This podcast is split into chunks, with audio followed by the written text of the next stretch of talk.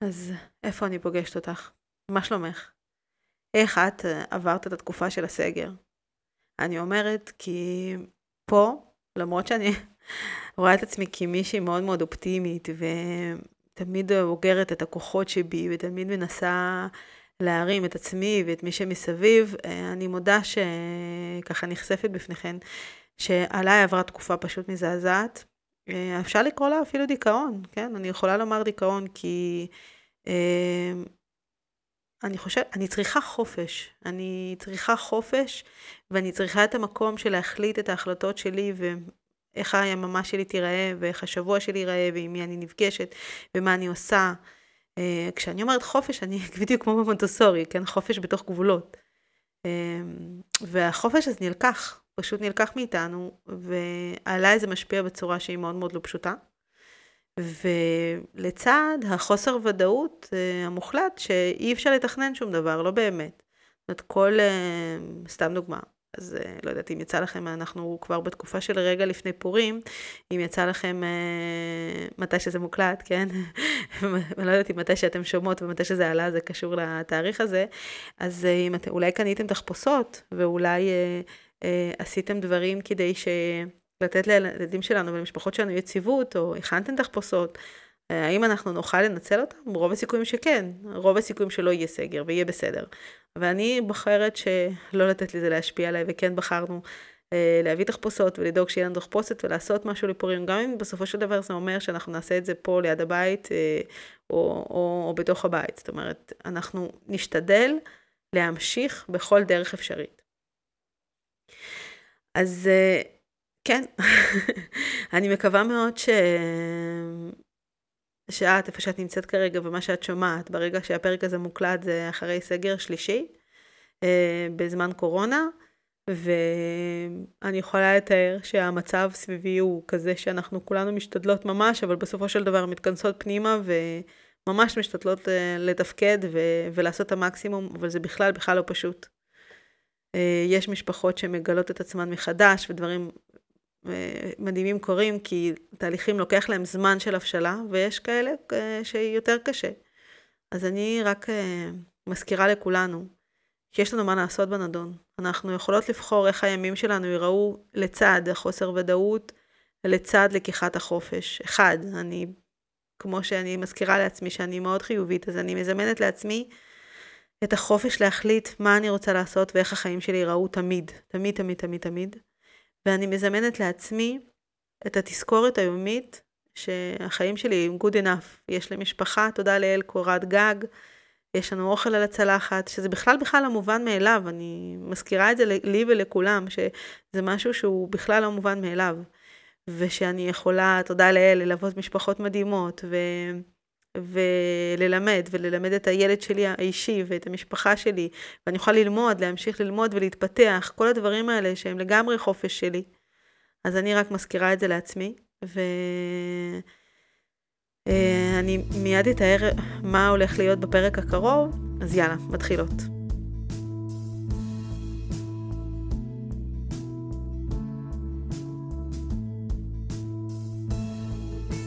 הגעת לפודקאסט ליצור מונטסוריה בבית של אפרת מילנה דביר.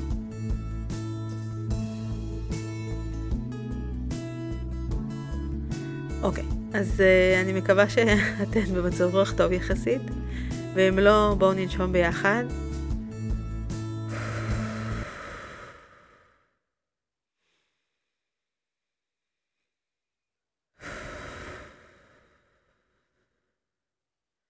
אני מזכירה לכם לנשום, אולי להכין לעצמכם משהו לשתות אם אתם אה, במקום שהוא בזמן נייח, ואם אתם אה, בחרתם לשמוע את הפודקאסט בזמן הליכה, אה, אז מעולה, מעולה, זה רק טוב יכול לקרות משם.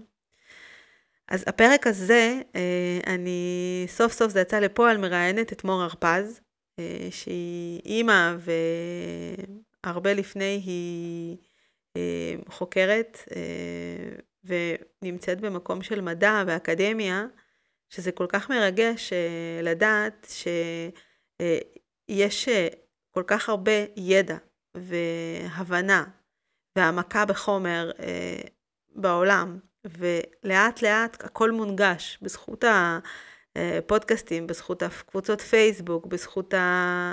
כל הדברים המדהימים האלה, וזה כל כך מרגש אותי, זה... אני חייבת לציין שאני כל פעם מתרגשת מחדש.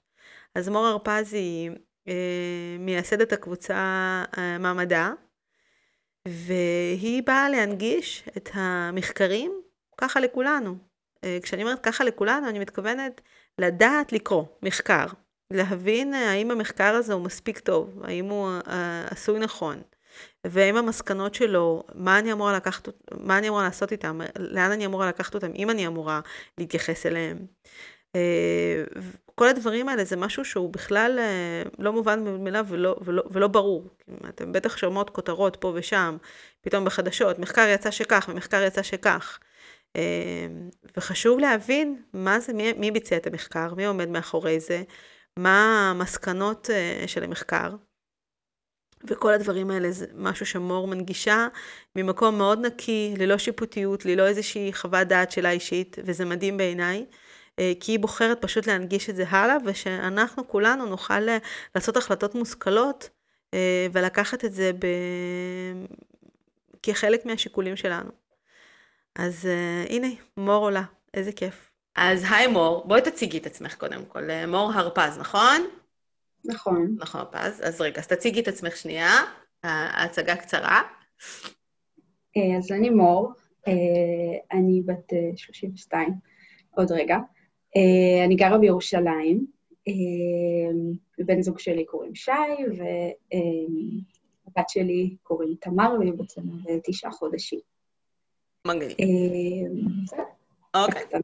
הצגה ממש קטנה, היא ממש מקטינה את עצמה, אבל היא כבר תרחיב לדבר על עצמה.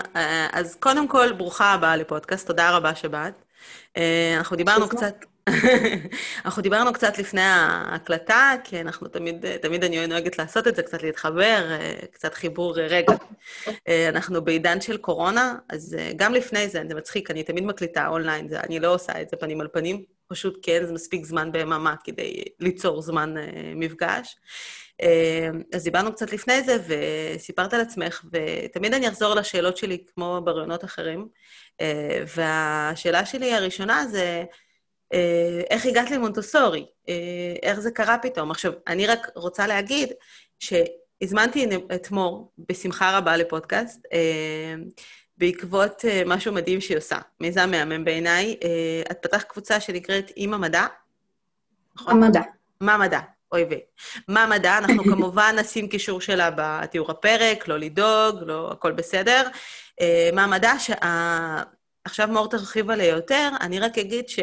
אה, אני רואה את זה כהנגשת ידע והנגשת מחקרים לכל מי שקשה לקרוא למחקרים, לא מבין מחקרים, רוצה להבין מה, מה עומד מאחורי מחקר, מי הבן אדם שכתב אותו אולי, אה, גם, זו נקודה ביקורתית שאני ממליצה תמיד תמיד להסתכל עליה. Uh, אני מאוד אוהבת את הדרך שאת פשוט מנגישה את הידע לאנשים, ואנחנו מאוד uh, uh, באותו, באות, באותה דעה בנושא, נכון? כדי לשחרר את הידע החוצה ולאפשר לכמה שיותר משפחות ואנשים לדעת ולחקור ו- ולגלות מתוך נקודת מבט עם כמה שיותר מידע שיש לנו, ולא מתוך נקודת צרה שהציגו לנו כרגע ככותרת בטלוויזיה. אז, אז, uh, אז זאת הסיבה שאת פה, כדי לדבר על זה עוד קצת, וגם כדי לספר לכם, כי אני, המסע של שלכם מעניין, אז אה, יאללה, אז איך הגעת למונטוסורי? אמ, האמת שיש את הקבוצה של סודות חיתולי הבד, אה, לפני שהיא התפצלה מה... אה, פעם דיברו עליה, אז דיברו בקבוצה על המון המון דברים מעבר לחיתולי בד, אז היה, אני חושבת, היה איזשהו פוסט, אני כבר לא זוכרת איזה פוסט, על מונטסורי, והסתכלתי על זה, נראה לי מעניין, ואז נכנסתי לקבוצה שלך, ובעצם ככה נחשפתי לראשונה. Uh, בעצם uh, הסתכלתי בקבוצה, את יודעת, uh, גללתי לאורך הקבוצה, ו, ומאוד אהבתי את מה שראיתי, את הסדר הזה, פתאום את הדוגמאות לתרגילים, ו, וממש התרגשתי, כאילו הרגשתי כמו ילדה קטנה, שרוצה שיעש, שככה יגישו לה דברים. ש... ואז התחלתי לקרוא. ללמוד זה משהו שאני אוהבת לעשות. אז פשוט uh, יצאתי לדרך, התחלתי לקרוא ועשיתי גם uh, כמה קורסים, ו... וזהו, וזה תפס אותי, ככה התחלתי. אז בעצם אם אני יכולה ככה... מה שמשך אותו במונטסורי זה חיבר אותך לילדות שלך, כן? זה מה שאת אומרת? ולמקום הזה שאני... אני קוראת, יש לי את ההרצאה שאני עושה, את ההרצאה הראשונית, שאני קוראת לזה מונטסורי במבט ראשון, אני קוראת לזה ככה כי זה באמת התאהבות. זה רגע של קסם, ואני לא יודעת אם את זוכרת, אבל את מההתחלה של הקבוצה, אם אנחנו שתינו מגיע, מגיעות מסודות הבת, כי הוא, אולי לא כולם יודעים, אבל גם אני חיתלתי את אביעד בחיתולי בד, וגם אני הגעתי משם, ובעצם הגרעין הראשוני של הקבוצה זה מחתלות בבד. ו... ולמה אמרתי את זה? אה, כי הפוסטים הראשונים שלי היו, היו Montessori crush, זה היה ההשטג הקבוע, כי באמת נכון. זאת התאהבות מאוד מאוד גדולה, אנחנו כאילו מתרסקות לשם, אנחנו אומרות, oh my God, oh זה כזה כיף. אז uh, אני שמחה לשמוע. Uh, אוקיי, אז uh, יש לי עוד שתי uh, שאלות. אחת מהן, מה הדבר שאת הכי אוהבת במונטסורי? מה הדבר שהכי מרגש אותך? ואני כבר אגיד לך את השאלה הבאה, אז אם תוכלי, תוכלי כבר uh, להמשיך ברצף, מה הדבר שהכי קשה לך עם מונטסורי? כי אני בטוחה שיש. ואני מאמינה גם בנקודת מבט uh, ביקורתית קצת, ולא רק uh, לדבר על מה אנחנו אוהבות. אז מה שאני הכי אוהבת זה ה... אמ, הבידוד משתנים. אמ, בידוד קושי. בעצם, בידוד קושי, כן. ש... בעצם את מסתכלת על הילד ורואה מה, מה, מה מושך אותו, מה מעניין אותו, ומפרקת לו את זה. אמ, וזה פשוט מסגור של הלמידה שמאוד... מתחבר לי למה שאני אוהבת לעשות. אני אוהבת, אה, נגיד שאני אוהבת ללמוד, שאני, זאת אומרת, כשאני רוצה ללמוד משהו, אני אוהבת שיש קורס, אני אוהבת שיש סדר, אני אוהבת אה, שיש אה, אה, קריאה מסודרת, כי בעצם יש, יש המון המון שפע בעולם של ידע. זה תמיד מאוד קשה לי, תמיד יש לי את האתגר הזה. גם, לא יודעת, אחרי צבא עבדתי בחנות ספרים, והיה לי נורא קשה שיש כל כך הרבה ספרים, אני פשוט רוצה לקרוא את כולם, ואני לא יודעת איך כאילו להכיל את זה. Uh, אני זוכרת שהייתי קוראת ספרים וכל פעם היו מגיעים ספרים חדשים, וזה היה כזה, אוף, איך אני אגיע לזה? וברור שזה בלתי אפשרי לדעת הכל וללמוד הכל, אבל uh, זה באמת תסכול שמה שאני ילדה, uh, אני מתמודדת איתו. ובעצם בגישה המונטסורית, היא מסדרת לך את זה, היא, היא מי שבעצם מכין את המדפים, שזה המדריך או ההורה, אה, מסתכל על הילד, רואה מה אה, הוא אוהב, ו, ומצמצם את השפע הזה. וזה בעצם יוצר איזשהו מין שקט, שהנה, מישהו כאילו סידר לי, ויש לי בחירה, אבל באמת ה-freedom within limits הזה, שבשבילי הוא, הוא מתנה מאוד גדולה אה, ללמידה. אה, ואת יודעת, לאורך השנים ידעתי לתת לזה מילים, אבל אה, זה, ה, זה גם אותו מקום שריגש אותי בתור ילדה כשהסתכלתי על, ה, על התרגילים שהופיעו בקבוצה. אז אני חושבת שזה הדבר שאני הכי אוהבת. איזה מדהים, זה בידוד קושי. אמ, אני, אני חייבת להסכים איתך, יש המון דברים שאני עוד מונטוסורי, אני חושבת שאם היו צריכים לשאול אותי את השאלה הזאת, לא הייתי מצליחה לבחור, אבל um, אני מסכימה איתך כל כך, כי um, ברגע שאנחנו, זה כל כך מתחבר, מה שאמרת, לילדים, כי אחד הדברים שהכי קשים לילד זה הגירויים. אני, נגיד, uh, כשאני, אין לי ברירה, בתור אימא בחינוך ביתי, ואני חייבת ללכת לסידורים אביעד, וללכת למקומות כמו סופרים וחנויות, הוא נמצא בתקופה שמאוד מאוד קשה לו עם כל הגירויים האלה, והוא רוצה את הכל. וממש קשה לו להתאפק, ואנחנו מדברים על זה, אנחנו מדברים על זה לפני זה, וכשאנחנו נכנסים בפנים, ואחרי זה עד כמה היה קשה לי להתאפק בתור אימא. שגם אני רוצה, אני, היה שם מלא מלא דברים מתוקים, מאוד מאוד טעימים, אני רוצה את כולם, אני עומדת, הם מסתכלים עליי, מדברים עליי, אומרים לי, בואי תיקחי אותי. אפרופו ספרים, אנחנו עכשיו עמוק בתוך ספרים, ואני ממש עצרתי את עצמי החודש, אמרתי, אפרת, תסיקי.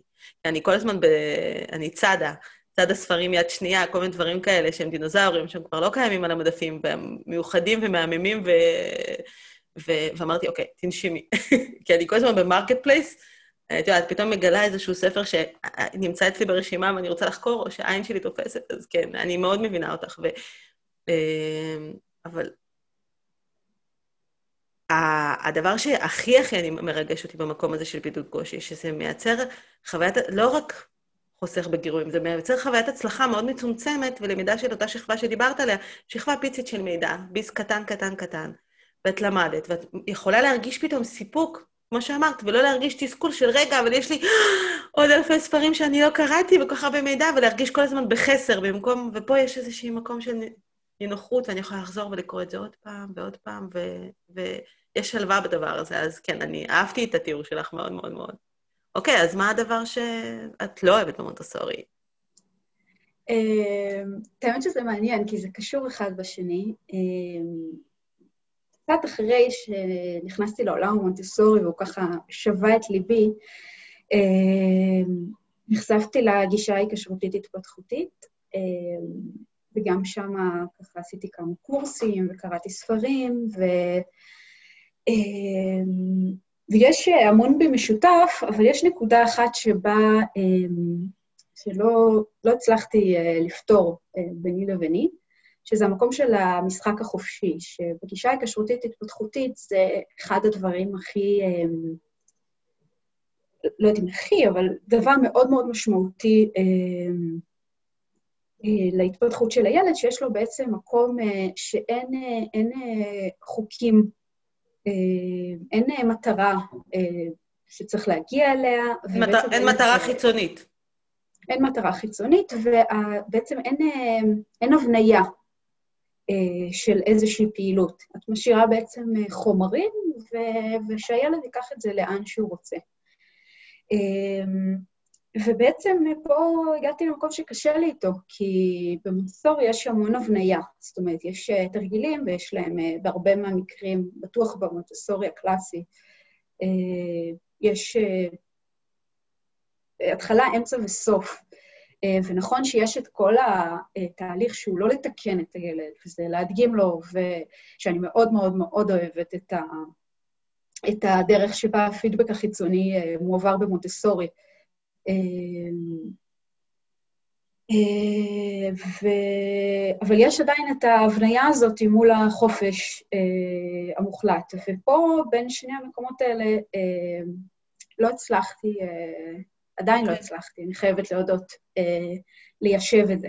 אני עוד חושבת על זה. אז קודם כל, בוא נתחיל ונאמר שמותר לנו לא שלא כל דבר במונטוסורי אה, יישאר לנו פיקס, ואנחנו נאהב אותו. אני רק רוצה לתת לך נקודת מבט, שוב, זה לא אומר שאני מנסה לשכנע אותך או משהו, אבל נקודת מבט אחרת. אחד, בית וגן זה לא אותו דבר. ואני ממש מאמינה ורואה, מריה מונטסורי פיתחה את הגישה הזאת מתוך מקום של מסגרת נטו, היא לא דיברה על הבית כמעט אף פעם. זאת אומרת, הבית הוא המשך ישיר של אה, מבחינת התאמת סביבה ועצמאות, ויש המון המון כלים שאנחנו, שאני מלמדת ושאנחנו עושים אה, הנגשה בתוך הבית, ויש שם קסם מאוד מאוד גדול שאי אפשר ליצור בגן אפילו, ומאוד מאוד קשה, ועוד אם קשה כדי ליצור בגן, אבל, אבל משחק חופשי בעיניי הוא חלק מהיממה של הילד. הוא חלק מאוד מאוד חשוב ו, ובלתי נפרד מהיממה, והסיבה שהוא לא קיים בגישה כי אין צורך, כי אם אנחנו מדברים רק על גן, ובואו נדבר רגע שנייה על, על אידיליה. בואו נהיה עכשיו לרגע פריבילגיות, אני מקווה שלא מתנסות, אנחנו לא, לא, לא, לא, לא ניתן תחושה של מתנסות, אבל, אבל כן, אם אנחנו ניקח אידיליה מדהימה לילד, הדבר שהכי טוב לילד זה, אם כן הולכים למסגרת, לא יותר משלוש שעות, שזה בעצם המעגל העבודה. מבינה, הילד מגיע, אה, ויש את המעגל שלוש שעות, ואז הוא חוזר הביתה לתוך המקום, לתוך הקן הבטוח שלו, לתוך המקום של הפורקן, לתוך... מי כמוך יודעת. אז...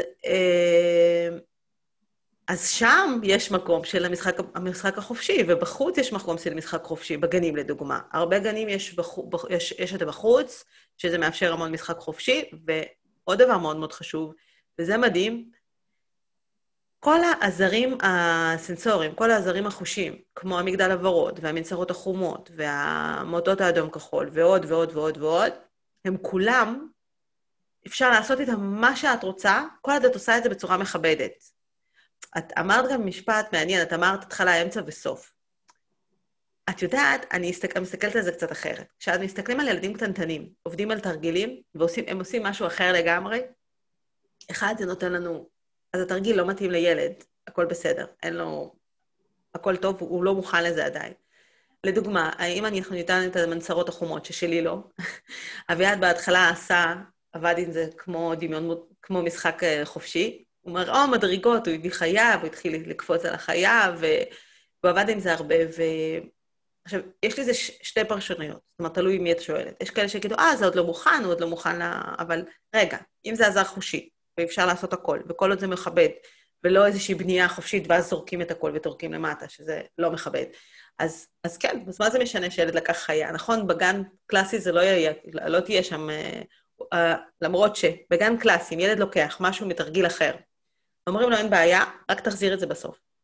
והמדריך, הוא משתמש בזה בתור התבוננות, הוא מסתכל, רגע, מה הילד עשה, מה בדיוק עשה שם, מה עניין אותו, כדי, כדי, את יודעת, להשתמש בזה אחר כך. אה, מה שאני מנסה לומר, אה, ועם הזמן, לאט-לאט, ועד שהוא הגיע לשלב שהוא כן עבד עם התרגיל, עם, ה, עם הזר הזה בצורה שבדיוק מיועדת לו, בלי שהייתי צריכה לומר מילה, מילה, זה היה מדהים. מי שעוקב אחריי ראה את הפוסט שהוא בנה אותו לגובה, ואני פשוט בכיתי דמעות אמיתיות, אני החזקתי את עצמי. זה היה מרגש עבורי יותר מאשר צעד ראשון, כי, כי זה איזשהו... זה, בעיניי זה יותר מעניין מאשר ילד שלמד לקרוא אה, ולכתוב, או ילד שלמד אה, חשבון כזה, כי זה הרבה הרבה יותר עמוק בעיניי. אז יש המון משחק חופשי במונטסורי, ויש המון, מהכן אני מסכימה איתך. הוא... את יודעת מי צריך לשחרר את התחושה הזאת? אנחנו, ההורים או המדריכים. ברגע שאנחנו לא קשיחים בלב מהמקום הזה של זה חייב להתבצע ככה, אלא אנחנו מחייכים ואומרים, אה, עשית ככה, מעניין. את יודעת, מעניין, כי זה באמת מעניין. וזהו, אז הכל בסדר. זה מפסיק להיות... Uh, אני חושבת שאחד הקשיים הגדולים בהורות בהתחלה, כשאנחנו רואים תרגיל ואנחנו רואים את ההדגמה שלו, יש איזושהי ציפייה שהילד יעשה אותו בדיוק כמו בהדגמה. ולא, והם לא עושים את זה כמו בהדגמה, וזה בסדר, זה, זה אני חושבת, השיעור הכי חשוב. הם לא חייבים לעשות את זה כמו בהדגמה, אם הם לא עשו, זה מלמד אותנו משהו, ומשם אנחנו יכולים... אה, ובסופו של דבר, ברגע שהתרגיל יגיע ברגע הנכון, הם יעשו את הדבר שצריך, כי זה, כי זה, כי זה מה שמעניין אותם כרגע, זה מה שהם רוצים ללמוד כרגע, אז הכל טוב. אה, זה, זה, זאת הנקודת מבט שלי. אוקיי, אז יאללה, עכשיו אני רוצה שתעשי הצגה עצמית אה, יותר גדולה, לא? אה, ספרי לנו קצת על עצמך, יאללה. אמ, טוב, אני אספר על, ה... אה, על ההחלטה החדשה, שיחסית אמ, חדשה. אני הייתי במסלול ישיר לדוקטורט, הצטרפתי אליו ב-2016 במדעי המוח, חישוביות עצבית באוניברסיטה העברית. אה, מאוד מאוד חדורת מטרה. אה, מבחינתי, עתיד אקדמי זה, זה איפה שאני רואה את עצמי, לסיים דוקטורט, פוסט-דוקטורט בחו"ל, אה, לנסות את מזלי ולקבל משרה באקדמיה. זה מאוד התיישב לי עם, ה, עם הדברים ש, ש, שאני אוהבת, שזה... אני רק, סליחה שאני עוצרת אותך, אני, אני מצטערת, לא, לא רציתי להרוס את ה flow, אני כן רוצה קצת לחבר אותך ל... לכל מי שלא מכיר אקדמיה. אה, כל מי שלא מכיר אקדמיה, זה, יש איזשהו מסלול. ומה שאת מתארת זה בעצם המסלול הנחשק ביותר. לא כולם עושים פוסט-דוקטורט בחו"ל, נכון?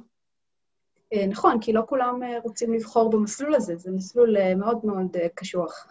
אוקיי, אז זו כוונה. אז הלכת להכי ה top של ה top של ה top, נכון? בעיני, בעיני רוחך. כן, כי זה, זה באמת התיישב לי, זאת אומרת, מה שהתחלתי להגיד, ש... הדברים ש... שבעצם שאני חייבת לעשות, שזה בעצם לרכוש ידע, לחלוק ידע ולייצר ידע. אז לרכוש ידע זה באמת אה, אה, ללמוד גם של המחקר, גם קורסים, גם אה, כנסים בעצם שאנשים מספרים על המחקר שלהם, אז כל הזמן בתהליך של למידה. לשתף ידע, שזה דרך ללמד בעצמך. או לספר על המחקר שלך, ולייצר ידע, זה, זה פשוט לחקור ול, ולמצוא דברים שאף אחד לא יודע עליהם, ואת הראשונה בעצם ש, שמגלה ו, ומוסיפה לידע העצום ש, שקיים בעולם. מרגש. אז כן, לגמרי. אבל זה דורש המון המון. זה דורש, כדי באמת להצליח, צריך, בעצם הכסף בעולם הזה זה, זה לפרסם מאמרים, בכתבי עת אה, נחשבים. יש אה, הרבה כתבי עת מדעיים, ויש להם איזשהו דירוג, אה, וכדי להצליח הלאה, בעצם להתקדם משלב לשלב, למשל מדוקטורט לקבל פוסט-דוקטורט במקום נחשב, אז את רוצה לפרסם במקומות טובים. ו... ואז ככה זה ממשיך, את בפוסט-דוקטורט, כדי לקבל משרה, צריכה לפרסם, זו עבודה מאוד מאוד קשה שהיא לא נגמרת אף פעם. המנחה שלי, אה, הוא כבר... אה, אה, המנחה שלי, הוא כבר לא המנחה שלי, אבל אה, אה, הוא בסוף שנות ה-60, והוא עדיין בלחץ הזה. את רואה את הלחץ הזה, זה לחץ שלא נגמר אף פעם. את לא יכולה לנוח אף פעם, את כל הזמן צריכה לחדש ולפרסם ולפרסם ולפרסם. אמ, עכשיו, זה התאים לי בהתחלה, ראיתי את עצמי הולכת לשם. אה, אבל אז נכנסתי להיריון. רציתי מאוד גם. אה, חיכיתי לאיזשהו שלב שנגמרו הקורסים הקשים, אה, ונכנסתי להיריון, ופתאום משהו השתנה. המוטיבציה המחקרית שלי כאילו עשתה איזשהו shift כזה. היא המשיכה להיות אותה, אותו passion ללמידה, פשוט כל מה שעניין אותי זה לא כל, אבל הרבה ממה שעניין אותי זה ללמוד על, על מה, קורה, מה קורה, איך היא מתפתחת, אה, איך המוח שלה מתפתח, אני מגיעה ממדעי המוח הזה, בפרט מעניין אותי, מה קורה לי בגוף, מה אני יכולה לעשות כדי... Uh, בעצם נכנסתי מאוד, uh, כאילו, להמון למידה סביב הנושא של הריון ולידה, וקראתי המון ספרים ופודקאסטים ו- ומחקרים, ו... וכאילו, אני יכולה לספר בקורס הכנה ללידה שעשיתי, המדריכה סיפרה איזשהו סיפור על... אה, סיפור, אה, אני כבר לא זוכרת, על אישה שנפרדת מאישה, כאילו, אני קצת מסתבכת עם המילים. הכל בסדר. איזו נסיכה של מעלה, שיורדת אה, לנסיכות של מטה, והיא צריכה להיפרד מהארמונות שלה. אה, ואחרי זה היא שאלה אותנו מה, איזה ארמונות בעצם אה, אנחנו מרגישים שאנחנו נפרדים מהם לקראת ה- הלידה. והדבר ש, אה, שקפץ לי ראשון, שלא חשבתי עליו אז, זה מדע. זאת אומרת, פתאום ה... ה, ה וממש שלול בי דמעות של, של צער, של עצב, על, על זה שכאילו איבדתי מה, מה, מהפשן הזה, מהסיפור שלי, שסיפרתי לעצמי מאז שאני ילדה. אמ, ובהתחלה לא ידעתי איך לאכול את זה. אה, ואז היא נולדה, אה, והייתה לי חופשת לידה מדהימה, ממש. באמת, נהניתי מכל רגע, פתאום עצרתי. אמ, לא עצרתי אף פעם, אז... אמ, וכשחזרתי, אה, אחרי חמישה חודשים, לא, לא הסתדר לי. לא, לא הצלחתי, היה לי מאוד מאוד קשה אה, שאני לא איתה, ושמישהו אחר מטפל בה ו- ורואה אותה אה, גדלה, וזו לא אני. אה, והמוטיבציה שהייתה לי קודם כבר לא הייתה באותו מקום. ולא לא הייתי במקום טוב. זאת אומרת, כאילו נעתי ונעדי, כאילו זזתי ממקום למקום במחשבות שלי, ולא לא הצלחתי לפתור את ה-work-life balance הזה. אה, והקורונה אה, נתנה לי מתנה. אה, בעצם גם הבן זוג שלי, גם הוא עזב את האקדמיה, אבל הוא עשה פוסט-דוקטורט באותו זמן. אז התחלקנו חצי-חצי בתקופה של הקורונה, ו...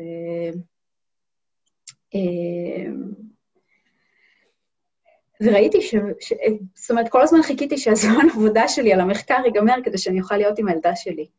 אה, והמשכתי כל המחקר שבאמת עניין אותי, שהייתי, אם פעם הייתי פותחת אה, ספרים אה, על המוח ועושה קורסים להנאתי בסטטיסטיקה, אז עכשיו היה בא לי באמת ללמוד על הורות ולעשות קורסים על הורות ולקרוא מחקרים של הורות, ואז אמרתי לעצמי, רגע, למה, למה לעשות את זה מהצד?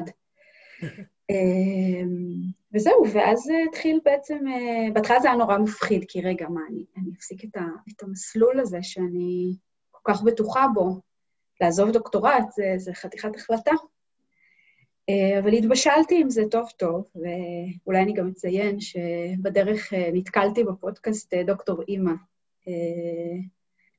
של ענבל כהן מידן, ו... וככה הוא, הוא נסח בי המון ביטחון. ו... זאת אומרת, כבר הייתי שם, אבל זה כאילו ככה הפיל לי את, ה... את האסימון האחרון, והחלטתי ש... שאני נשארת בבית ועוזבת את הדוקטורט. אמ, היא קוראת לזה בחירת הלב. אני חושבת, אני מאוד אוהבת את המושג הזה, זה כל כך נכון, כי אין לנו שום שליטה על זה. זה באמת, זה לא משהו שנבחר מתוך מוח, זה משהו בתוך הקרביים שלנו, וקודם כל, אני לא עוצרת אותך, כן, את תמשיכי לספר, אני רק מציין, כי לא שומעים ולא רואים אותי, אבל אני מתרגשת מאוד מהסיפור, וזה פשוט הקרביים שלנו, הכל הנפש שלנו זועקת לתוך המקום הזה, ואין לנו שום שליטה, לא באמת, ואנחנו משתדלות עם המוח, מנסות להסביר לעצמנו, לנסות איכשהו לעשות את איזשהו תהליך, אבל אה, אוקיי. כן, כמו שהיא אומרת שם, הרבה, כמעט מכל האנשים ש... אם לא כולם, אה, שהיא חוזרת על זה בפודקאסט שלה, שהן אה, לא, לא מגיעות מאג'נדה. אם היית שואלת אותי, לפני הלידה, שום סיכוי ש, ש, שהייתי מנחשת ש, שפה אני אהיה היום. אה, אבל באמת, כמו שאמרת, כאילו, לא, זה הכוח שהיה חזק ממני. זאת אומרת, הייתי יכולה להתעלם ממנו, אבל, אבל זה היה עולה לי באומללות. כן, ו... היית אומללה, את מתארת סיטואציה שהיית אומללה בה. כן. אז אני באמת שלמה ב-100 אחוז אה, במקום שאני נמצאת בו. ו... אבל כאילו, מהר מאוד חשבתי על הרעיון הזה של, אה, של הקבוצה. אה, זאת אומרת, ברגע שהחלטתי שאני עוזבת, אמרתי, אני חייבת מסגרת. אני, כמו שהתחלתי להגיד שאחד הדברים שאני אוהבת במונטסורי זה המסגור של תהליכי הלמידה. יש המון שפע, אני לא הפסקתי לקנות ספרים, ו... אה, ואני גם שומעת אה, באודיבל, שזה ספרים אה, לשמיעה. יש לי, לא תדעי, לא תדעי כמה ספרים כבר קניתי שם, ואני ממש לא קרובה לשמוע אותם, כאילו להגיע אליהם. הרגשתי שאני פשוט אלך לאיבוד. אם אני פשוט אלמד בפרי סטייל, אני אעבור מדבר לדבר, ואני אלך לאיבוד, ואני לא רוצה את זה. אמרתי, אני רוצה מסגרת שבעצם מחייבת אותי להעמיק, אבל גם ממקדת אותי. באמת הרעיון הראשון שעלה לי בראש זה לעשות נושא חודשי, שנושא חודשי הוא מאפשר אה, אה, להתמקד באיזשה, באיזשהו נושא, להעמיק בו, אה, אבל גם לא להשתגע ולהיכנס רק אליו. אה, אז זה כאילו מין איזון כזה בין, אה, אה, בין העמקה ל, ל, ללמידה לרוחב. וככה התבשלתי עם עצמי עם הקבוצה, ובעיקר אה, דיברתי על זה עם הבן זוג שלי כל הזמן, חשבנו על זה ביחד. אה, ואז באמת אה, באותו שבוע שהגשתי את התזה שלי, תזה לתואר שני, אני במסלול ישיר לדוקטורט, אז כאילו אני יכולה לעשות מסלול יציאה לתואר שני, מחקרי. אז הגשתי את התזה, הגשתי את המאמר, פרסום, וממש באותו סוף שבוע פתחתי את הקבוצה. יש לציין שאפרת הייתה החברה השנייה בקבוצה. ברור, ברגע שאמרת, אמרתי, אני באה, אני באה, בטח, ברור. אז תודה על הפרגון, באמת, אני ממש אוהבת את זה בקבוצה שלך, את המקום הזה של לפרגן ולתת מקום כל מיני יוזמות. אה, באמת המונטסורים, אם אצלך סודות חיתולי הבד היו האבות המייסדים, אז בקבוצה שלי, שהיא עדיין אה, בהתהוות, היא רק חודשיים וחצי קיימת, אבל המונטסורים בהחלט אה, היא ייצוג מכובד מתוך הקבוצה. אז תודה לך, אפרת. בכיף. אז אה, כן, אז פתחתי את הקבוצה, ובאמת בניתי לעצמי, כאילו במהלך החודשי מחשבה, בניתי לעצמי אה, את המסגרת הזאת שאני רוצה לעבוד בה. ובאמת הנושא החודשי, אני עכשיו אסביר מה זה אומר, יש אה, פוסט חודשי שאנשים יכולים לשאול כל מה שבא להם שמעניין אותם. מתוך זה, לפי ביקוש, בעצם נבחרים ארבעה נושאים שעולים להצבעה, ואז במהלך החודש אני מפרסמת בכל שבוע, שזה משהו שחשבתי שאני אוכל לעמוד בו, אני בסדר, בינתיים אני עומדת בזה, אה, על זווית מסוימת של מחקר בעצם אה, בנושא הזה. אה, ובאמת, הנושא הראשון שנבחר היה מסכים, כי זו באמת שאלה שמטרידה המון הורים, והנושא השני שנבחר היה מונטסורי.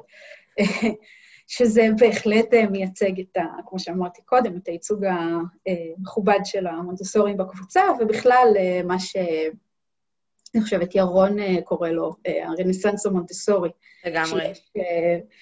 ממש אני רוצה רק להגיד שזה גם ביצה ותרנגולת, כי אה, בעקבות אה, הרבה, היו הרבה נהירות בעקבות החודש שעשית בקבוצה שלך, היו הרבה נהירות מהקבוצה שלך לתוך הקבוצה של, שלנו, אה, ואמרו, אנחנו, היה את החודש המונטסורי, ואנחנו קראנו, ו, ו, ובגלל הייצוג המדויק שנתת, אתה כבר תדברי עליו, אז אנשים אמרו, אוקיי, אין מה להתווכח. כן. כן. Uh, כן, ואת האמת שאני חייבת להודות שב... Uh, בפוסט הזה של השאלות, שאני קוראת לו מה יש למדע להגיד על, שכל אחד שואל מה שהוא רוצה, נתתי כמה שאלות לדוגמה. ואחת השאלות הראשונות שכתבתי זה על המונטיסורי, אה, כדוגמה, וזה באמת ככה עורר, עודד אנשים אה, גם לשאול על זה.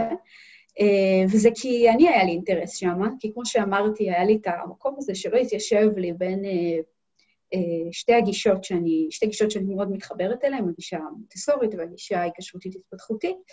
ורציתי באמת לצאת למסע ולברר את, ה, את הנקודות האלה. אה, אז באמת אה, נקרתה אה, בפניי הזדמנות די מהר. וזהו, צללתי למחקרים בנושא, ו... וסיפרתי עליהם במהלך חודש דצמבר. אז... ומה גילית? רגע, שנייה. כולם עכשיו יושבים על קצה הכיסא, ככה, ואומרים, רגע, רגע, אז ומה, ומה, ומה גילית שם במחקרים על המונטוסורי? אה, אוקיי, אז, אה, אז אני אתחיל ב... אולי ב... התחלתי את החודש ולספר על האתגרים בעצם במחקר, ואני חושבת שזה משהו שחשוב מאוד להבין. אחד מהדברים שאני רוצה לעשות בקבוצה, זה לא להגיד מחקרים אומרים ש... ולכתוב את המסקנות. כי ברגע שאני עושה את זה, זה בעצם, זה אמונה דתית מבחינתי. אה, אני לא נותנת לאנשים את ה... אהבתי כל כך. אהבתי. מחקרים אומרים שזה מאמונה דתית. מאוד אהבתי את ההגבלה הזאת. אה, נכון. אה, זה באמת ככה, ואני ראיתי את זה בהמון קבוצות הורות, וכל פעם שראיתי את זה, משהו בהתכווץ בתוכי, והיה בא לי להגיד, כאילו, על מה אתם מדברים? אז עכשיו יש לי מקום שאני יכולה להרגיש בנוח לדבר על זה. המטרה שלי כאילו היא לפתוח בעצם את ה-black box, את הקופסה השחורה שנקראת מחקרים אומרים ש... ו... ולראות מה זה מחקרים. בגלל זה אם ת... תראו בקבוצה, כמעט כל פוסט אני מספרת כמה אנשים, כמה אנשים השתתפו בקבוצה, שזה תמיד חשוב לראות, כי לפעמים יש לך מח... מחקרים אומרים שבע, את מבינה שהיו שם 50 אנשים. כן, שזה זה לא משהו, מספיק. אני לא אומרת שזה חסר משהו, נכון. אבל, אבל זה, זה מלמד אותנו איזושהי צניעות מול המסקנות של המחקר. אה, אז לספר מה בדיוק הם מדדו, איך הם מדדו, זאת אומרת, באמת לתאר מה, מה קורה שם בפנים, כי אני חושבת שזה מה שנותן לאנשים את, ה, את היכולת בכלל לחשוב בצורה ביקורתית. כשאומרים לי מחקרים, אומרים שאימוני שינה לא גורמים לנזק. מה אני יכולה ללמוד מזה? חוץ מלהאמין למי שאמר את זה. וזה שהוא שם ציטוט, אז זה נראה לי שהוא רציני, ובזה זה נגמר. אז אה, הקבוצה היא באמת המטרה שלה לפתוח את ה... רגע, שם פה פצצה, סליחה. אה, היא שמה פצצה, יש עליה מענה נרחב בקבוצה, אז כמו שאמרתי, נשים קישור, אז תוכלו למשוך, לקרוא על זה יותר בהרחבה, כי אנחנו לא מדברים על זה בפודקאסט, אבל אוקיי, נמשיך. כן, כן, יש פוסט על, על אימוני שינה. אז, אז כן, אז כאילו חשוב לי מאוד אה, לתת בעצם אה, להורים את ה... לכל מי שבקבוצה, וגם לעצמי, את הכלים הביקורתיים האלה, לחשוב אה, בעצם שנותנים לי איזשהו מידע, שיהיה לי את היכולת להגיב אליו. אה, אני חושבת שזה המון המון כוח, ואחד הדברים שמתגלים מחודש לחודש, זה עד כמה התשובות הן לא חד-משמעיות. אה, התופעות ש, שמעניינות אותנו כהורים הן תופעות מאוד מאוד מאוד מורכבות. אה, וקשה מאוד אה, אה, להפריד אותם, כמו שעושים במעבדה, ולחקור אותם בצורה מאוד מאוד מדויקת, כי פשוט מטבעם הן תופעות מאוד מאוד מורכבות. ולכן המסקנות הן חייבות להילקח בערבון מוגבל. ואני חושבת שכמה שזה יכול להיות מתסכל, שאין תשובה חד משמעית אם אימוני שינה הם עושים נזק או לא עושים נזק, זה יכול להיות מאוד לתסכל אנשים, כי יש משהו שמקל עליי, שאומרים לי זה גורם נזק, אוקיי, אז אני לא אעשה את זה. או זה לא גורם נזק, אז אוקיי, אני אעשה את זה. אה, ובעצם אומרים לי, המחקר אה, בעייתי. אה, אבל אני כן חושבת שזה נותן הרבה כוח, כי יש המון מומחים בעולם ההורות, והמון אנשים מדברים עם המון סימני קריאה. אה, והסימני קריאה האלה מייצרים המון לחץ אה, אצל ההורים. אני... לחץ של, אני לא... כן. אני, אני מצטערת שאני מפסיקה אותך, פשוט ממש חשוב לי להגיד את זה. דיברנו קודם, אני חושבת שזה היה לפני הקלטה, ודיברנו על זה שכששואלים אותי שאלה בקבוצה, הרבה פעמים אני עוצרת ואני לא יכולה לזרוק תשובה בשלוף, אני לא יכולה לשים משהו עם סיימים, תעשי ככה וזה יעבוד. אני כל כך מתחברת למה שאת אמרת, ואני חושבת שהנקודת שה, מבט שאת מדברת עליה, ששום דבר לא חד-משמעי, שאנחנו, האחריות היא שלנו, של ההורים, להסתכל על הילד שלנו, והוא יוביל אותנו ויראה לנו את הדרך, כי הם יודעים מה טוב עבורם, ואנשים בפני עצמם. סורי, זה פתאום הדליק בי כל כך הרבה, כי אני כל כך מסכימה איתך. את בסופו של דבר, שהוא מספר חיצוני, בדיוק כמו ש... אה, לדוגמה, מדידת חום, נכון? אני יודעת למדוד חום עם נשיקה. אני מניחה שהרבה מאיתנו, אם אנחנו ננסה לעשות את זה, אנחנו נצליח. אני מצליחה לדייק את זה עד, ה... עד המעלה. זה נטו מעצלנות, כן? ללכת לחפש את זה איפשהו וזה, אבל בסופו של דבר זה אותו דבר. אם אנחנו נסתכל על הילד שלנו ואיך שהוא מגיב כשאנחנו מתקשרים איתו, איך אנחנו מגיבים כשאנחנו מנסים uh, לעשות כל דבר, ומה קורה בו באותו רגע, ומה מה מתחולל אצלנו בלב ובנשמה, מה אנחנו מרגישות שזה קורה. וזה, אלה הסממנים שצריכים להוביל אותנו. המחקרים הם שם כדי להראות לנו עוד נקודות מבט, אבל ההחלטה היא נופלת תמיד עלינו. אף אחד חיצוני לא צריך להחליט עבורי ולא עבור הילד שלי, אף אחד. זאת ה... סליחה, סורי, הייתי חייבת uh, להכניס את זה, כן, תמשיך. לא, אני לגמרי מסכימה איתך, ואני חושבת שגם אחת האג'נדות של הקבוצה שלי היא שאין אג'נדה. אני לא מקדמת שום... Uh, גם דיברתי המון על מונטסורי, והמטרה היא לא הייתה לקדם את הגישה המונטסורית, או להגיד להורים מה אתם צריכים לעשות, אני ממש נמנעת מזה. מהממת. אמ, אני מתייחסת לקבוצה לא כמקום שבו לקבל תשובות מה לעשות בהורות, אלא מקום לקבל אינפוט, אה, בעצם אינפוט לתוך ההחלטות ההוריות שלנו, אה, כדי לקבל אותם ממקום אה, מושכל. אז מה שאמרתי, עצם זה שאנחנו מגלים שבהרבה מקומות התשובות הן לא חד-משמעיות, זה נותן לנו כוח מול ההפחדות האלה, שכאילו כל דבר שנעשה זה, זה כל כך דרמטי וישפיע לכאן ולכאן. זה משאיר בעצם מקום... מקום לה, לאינטואיציה ההורית להיכנס, כמו שאמרת, להסתכל על הילד, לקחת בחשבון בעצם אה, מה למחקרים יש לומר, אבל רק לקחת בחשבון ולא לתת לזה להוביל. אנחנו לא עבדים של המדע, אנחנו משתמשים בו בחוכמה, וזה מה שאני מנסה לייצר בקבוצה. ומצליחה. אחרים יעידו. Uh, אז, uh, אז למונטסורי, בחזרה. אז דיברתי על ה... בעצם התחלתי את החודש באתגרים במחקר. אמ, ואחד האתגרים המרכזיים הוא שכשאני רוצה להשוות בין הגישה המונטסורית לגישות חינוכיות אחרות, אני בעצם רוצה להסתכל על ילדים מונטסוריים לעומת ילדים אחרים. אה, ואני רוצה שההבדל היחיד ביניהם יהיה אה, זה שאלה למדו במסגרת מונטסורית ואלה לא.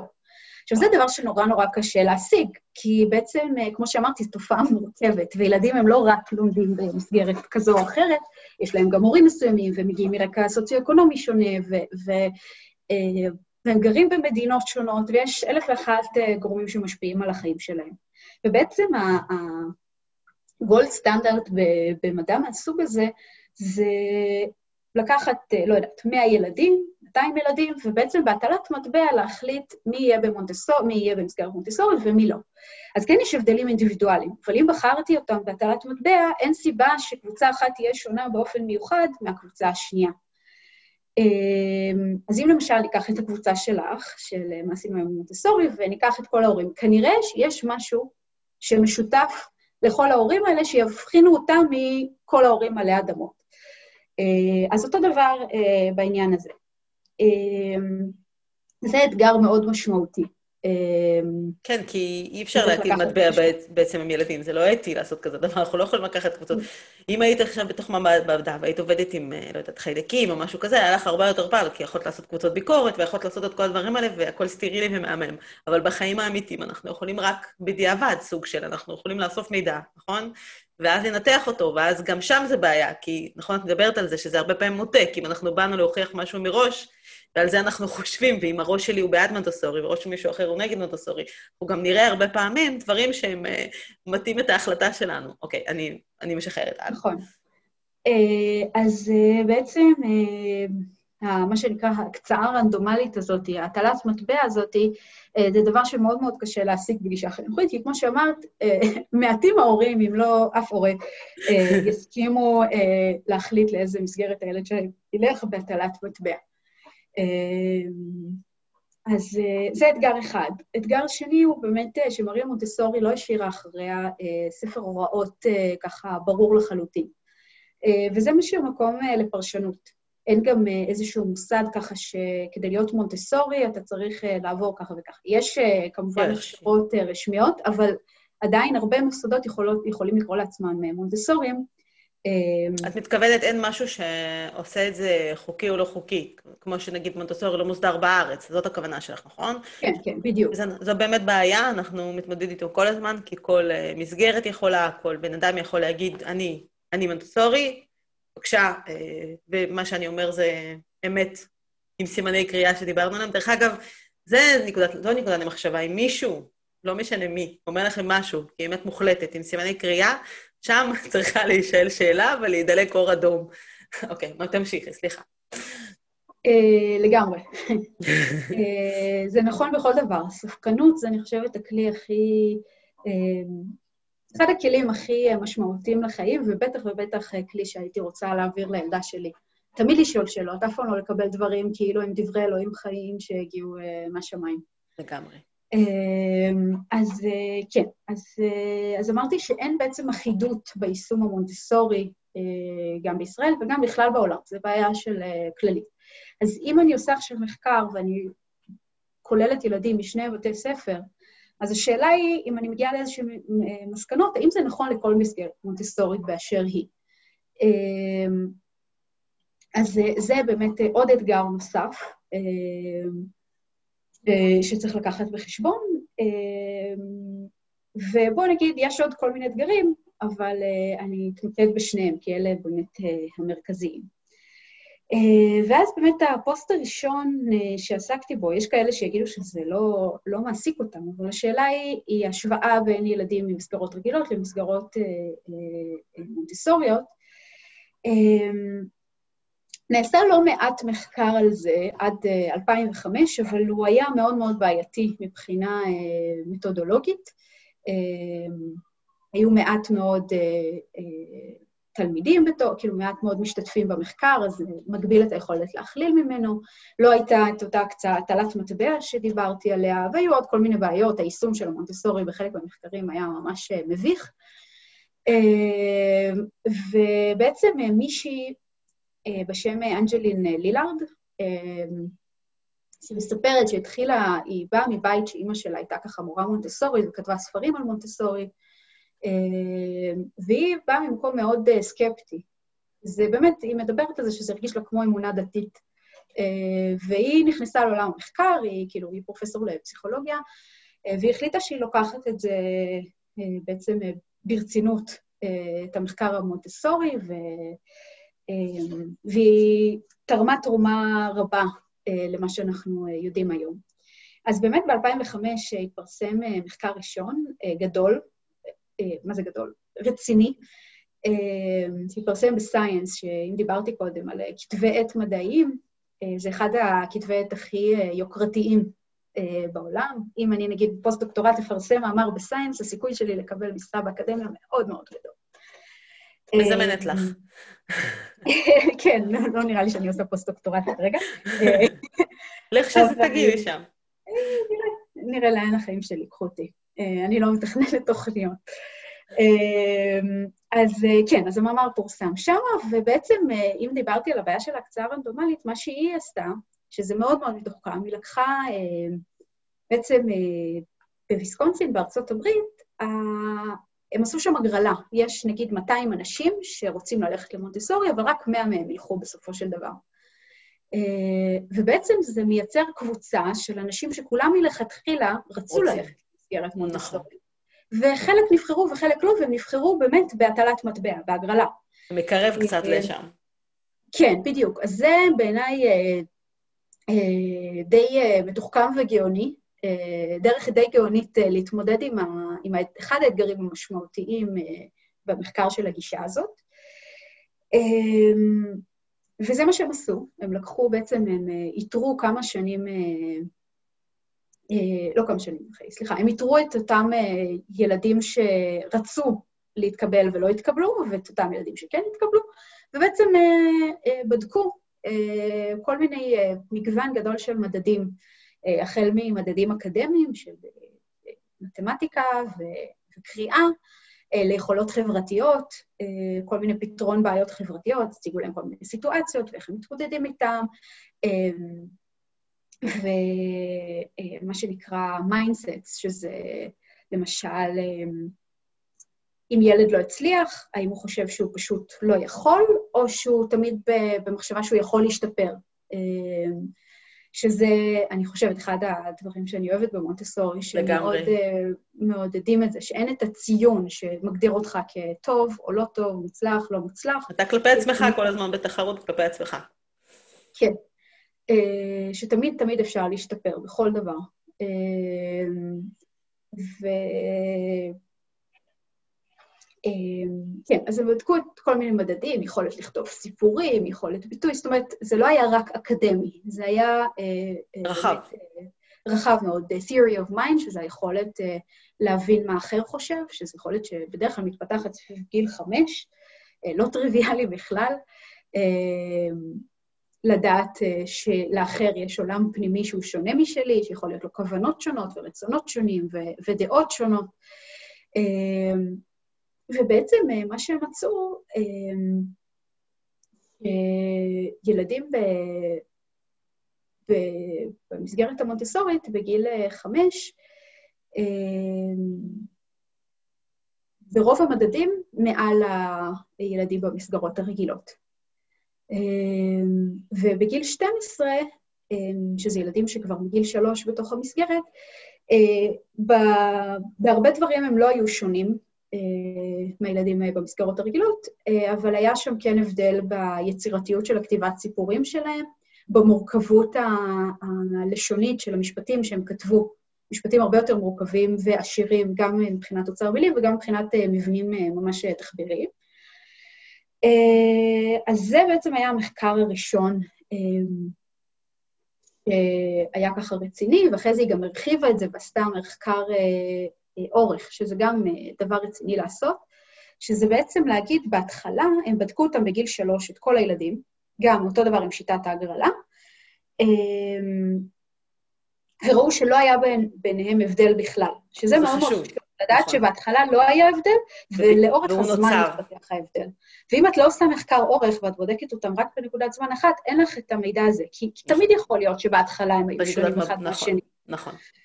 אה, אז היא באמת הרחיבה את זה, גם היה יותר, אה, הרבה יותר תלמידים במחקר הראשון, וגם באמת בדקו אותם בגיל שלוש, וככה עקבו אחריהם אה, במשך ארבע שנים, אני לא טועה, חמש שנים, וראו שבהמון המון מדדים בעצם נוצרת באיזשהו שלב הפרדה בין המונטסורים ללא מונטסורים, כן, פער, כשהמונטסורים הם ידם על העליונה בהרבה מהדברים.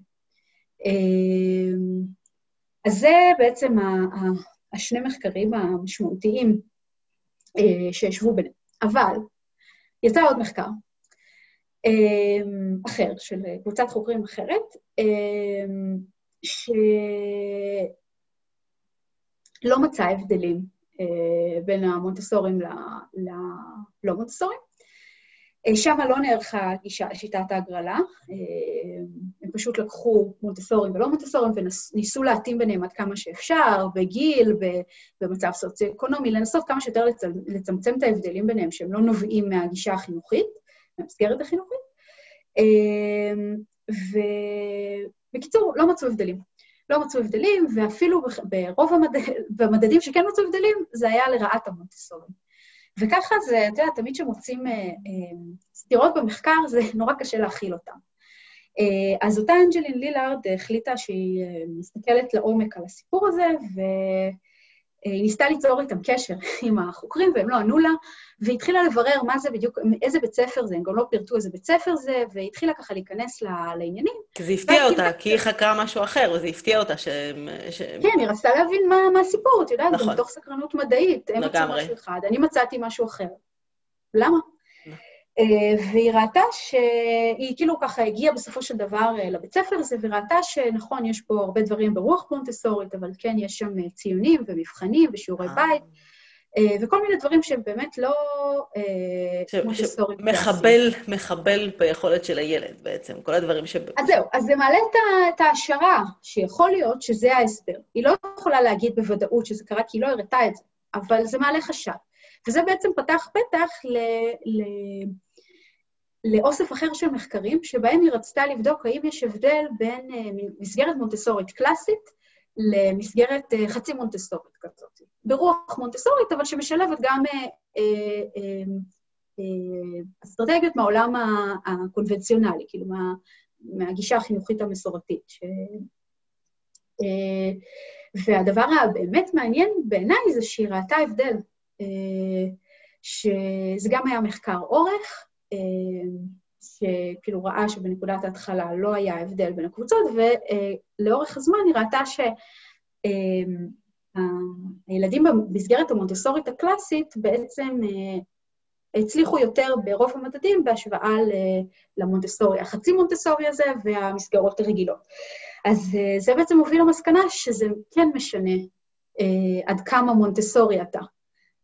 ועד כמה מונטסורי אתה, זה באמת שאלה שדיברנו עליה בהתחלה, בתור אתגר. אז היא הגדירה כמונטסורי קלאסי, זה לפחות מבחינת המחקר, זה, זה מסגרת מונטסורית שהולכת לפי ה-AMI. AMI, כן. כן. אה, אז אה, כן, ואז היא גם עשתה עוד משהו, היא לקחה אה, כיתות מונטסוריות, שברוח מונטסוריות, מונטסורית, ומכיתה אחת היא הוציאה בעצם את העזרים שהם לא מונטסוריים, וכעבור ארבעה חודשים היא ראתה שהילדים שמהם הוציאו את העזרים הלא מונטסוריים הצליחו יותר בחלק מהמדדים. אז כן, אז כאילו מכל הסיפור הזה שסיפרתי, זה אה, נראה שכשמשווים בין המסגרת המונטסורית אה, לעומת מסגרת אה, כזאת מסורתית רגילה, יש יתרון לילדים המונטסוריים בכל מיני מדדים, אבל חשוב ש... זאת אומרת, זה מתאפשר כשהמסגרת המונטסורית היא קלאסית. ההכשרה צריכה להיות טובה. Uh, המסגרת עצמה צריכה להיות מדויקת. אה, את יודעת מה? אני חושבת, זה מה שאני מדברת כל הזמן בקבוצה, את בטח רואה את זה, שזה לא מספיק שנשים תרגיל, לא מספיק שיהיה על המדף, uh, לא יודעת, עזר מונטוסורי. צריך לדעת איך להגיש אותו, צריך לדעת איך לדבר לילד, כי מונטוסורי אנחנו יכולים לעשות טכנית גם בלי עזר. אם אני יושבת מתחת לעץ עם ילד שלי, והוא שואל אותי שאלה, ואני מחזירה לו את זה, תלוי בגיל כמובן, מחזירה לו את זה עם שאלה, ואנחנו חושבים ביחד, ואז הולכים לחקור את זה בספר, ו- ו- ו- ועוד ועוד ועוד, כבר, כבר שם, אפרופו חשיבה ביקורתית ומחשבה, ולהחזיר, ו- ולהאמין בעצמך שאני יכול. יש כל כך הרבה דברים, אז uh, לגמרי, ואני כן מסכימה, שזה בסופו של דבר הכל נופל על הכשרה מדויקת, ועל היישום הנכון, כי... ואני רוצה אבל כן לתת שנייה, אור להורים. כן, תנשמו רגע. זה לא אומר שהכל כלום וזהו נפל ואין לנו שום פתרון והכל שחור. אני כן רוצה להגיד שמריה מונטסורי, כשהיא פיתחה את הגישה בהתחלה, לא היה לה את כל הדברים. היא לאט-לאט, על ידי ניסוי וטעייה, היא נטו עשתה מחקר, אה, אה, והיא, והיא כל פעם ניסתה עוד ועוד לדייק את זה, אה, ביחד עם העזרים של דוקטור סיגן, אם אני לא טועה, דוקטור, נכון, כן. ועוד ועוד, היא חקרה עוד והכניסה עוד אלמנטים בתוך הגישה כדי לאפשר לילדים בעצם לשגשג כמה כמה שיותר. עכשיו, מה זה אומר עבורכם, עבור ההורים? בסדר, מה זה אומר עבור, עבורי גם? שאני אימא בחינוך ביתי, אני לא יכולה, לא משנה מה אני אעשה, אני לא יכולה ליצור מסגרת מונטסורית קלאסית בתוך הבית שלי, שאני צריכה לראות, על פי מה שאמרת, נכון? צריכה לראות מהם הדברים המדויקים. אז איך התרגילים מוגשים, מה השיח שאני עושה, ולייצר את החוויה של הילד שהוא יוכל לחוות כמה שיותר קרוב לתוך הדבר הזה. והפוך אני אגיד, וזה אמרתי בהתחלה, אני חושבת, שמריה מונטסורי ניסתה ליצור בגן מונטסורי, בתוך המסגרת מונטסורי, תחושה של בית. לא סתם מחליפים מנעליים של בחוץ לנעליים של בפנים. לא סתם uh, יש את העניין של הבישול וכישורי חיים וכל העבודה הזאת. אז כל הדברים האלה, כל הסממנים האלה יכולים להתרחש בבית, שוב, זה עבודה שלנו, זה הכשרה שלנו. אנחנו צריכות ללמוד ולדעת באמת, כי להניח תרגיל על מדף, ולהגיד, אה, תעשה. והילד לא מצליח, ואז אנחנו מרגישות תסכול, אנחנו לא מבינות מה קורה, ואז בעצם זה לא עובד. אז אה, אז אני כן ממליצה עם אה, ללכת על משחק פתוח ומשחק, וזהו, ולאו דווקא ללכת למקום של תרגיל ותסכול של האימא ושל הילד. אני אמרתי את זה הרבה, עם מי דיברתי את זה לאחרונה, שגם אני, לפני שלמדתי, אני הייתי מאוד מתוסכלת. יש המון אינפורמציה בחוץ, ויש תמונות ופינטרסט וזה, ואז את עושה את זה. את, את רואה, את מנסה לשכפל את הדבר הזה, את, רואה, את רואה תרגיל בתמונה, את שמה אותו על המדף, ואת אומרת, אוקיי, ראיתי שזה מה שכתוב, אפרופו סימני קריאה. מגיל ככה עד ככה, יש תרגיל כזה שאני יכולה להניח, וזה עניין את הילד שלי. אז זה לא. אחד התסכולים הגדולים, אפרופו התמודדות ואתגרים בניהול קבוצה, דיברנו על זה קודם, שכשמבקשים ממני, ואומרים לאפרת, יש לי ילד ככה, מה אני יכולה להניח על המדפים? אפילו בליוויים שלי, בקורסים שאני מעבירה בליוויים שלי, בסופו של דבר אני מחזירה את השאלה להורה, כי רק ההורה שנמצא שם בתצפית ובדמות כל הזמן, ידע לדייק את זה הכי טוב עבור הילד שלו, גם על ידי ניסוי וטעייה. זה לא יקרה בפעם אחת. גם מדריך מונטוסורי, בתוך מסגרת, לפעמים יניח תרגיל על המדף וזה לא יעבוד. הילד לא ייגש, למרות שהתרגיל בנוי במיוחד עבור אותו ילד. שוב, יש לנו את הכלים להשתפר, אנחנו יכולים לעשות זאת. זה אפשרי, זה לא בלתי אפשרי. אה, זה לא מחקר, כן, את יודעת את זה בוודאות, בתור... אה, אני יכולה להשוות בתור אימא ללא אינפורמציה, ללא ידע, שגידלתי את הגדולים שלי, בני 16, מול אביעד, שהוא בן 4, שיש בה המון אינפורמציה והמון ידע, וכמובן השתניתי, אני אימא אחרת. ההבדל הוא, זה לא מחקר, כן? זה לגמרי נקודת מבט שלי, אני יודעת את זה. ההבדל הוא מאוד משמעותי, אבל ההבדל הכי חשוב בעיניי, וזו, הייתי רוצה לחתום את זה בזה, שהחוויה שלי בתור הורות השתפרה, אני מרג, לא מרגישה מתוסכלת, אני לא מרגישה עצבנית, אני מרגישה בשלווה, שזה בעיניי מאוד מאוד חשוב. אפרופו אינטואיציה אנחנו, לשאול את עצמנו מה, אנחנו מרגישות, איך אנחנו... והילד שלי מרגיש מאושר.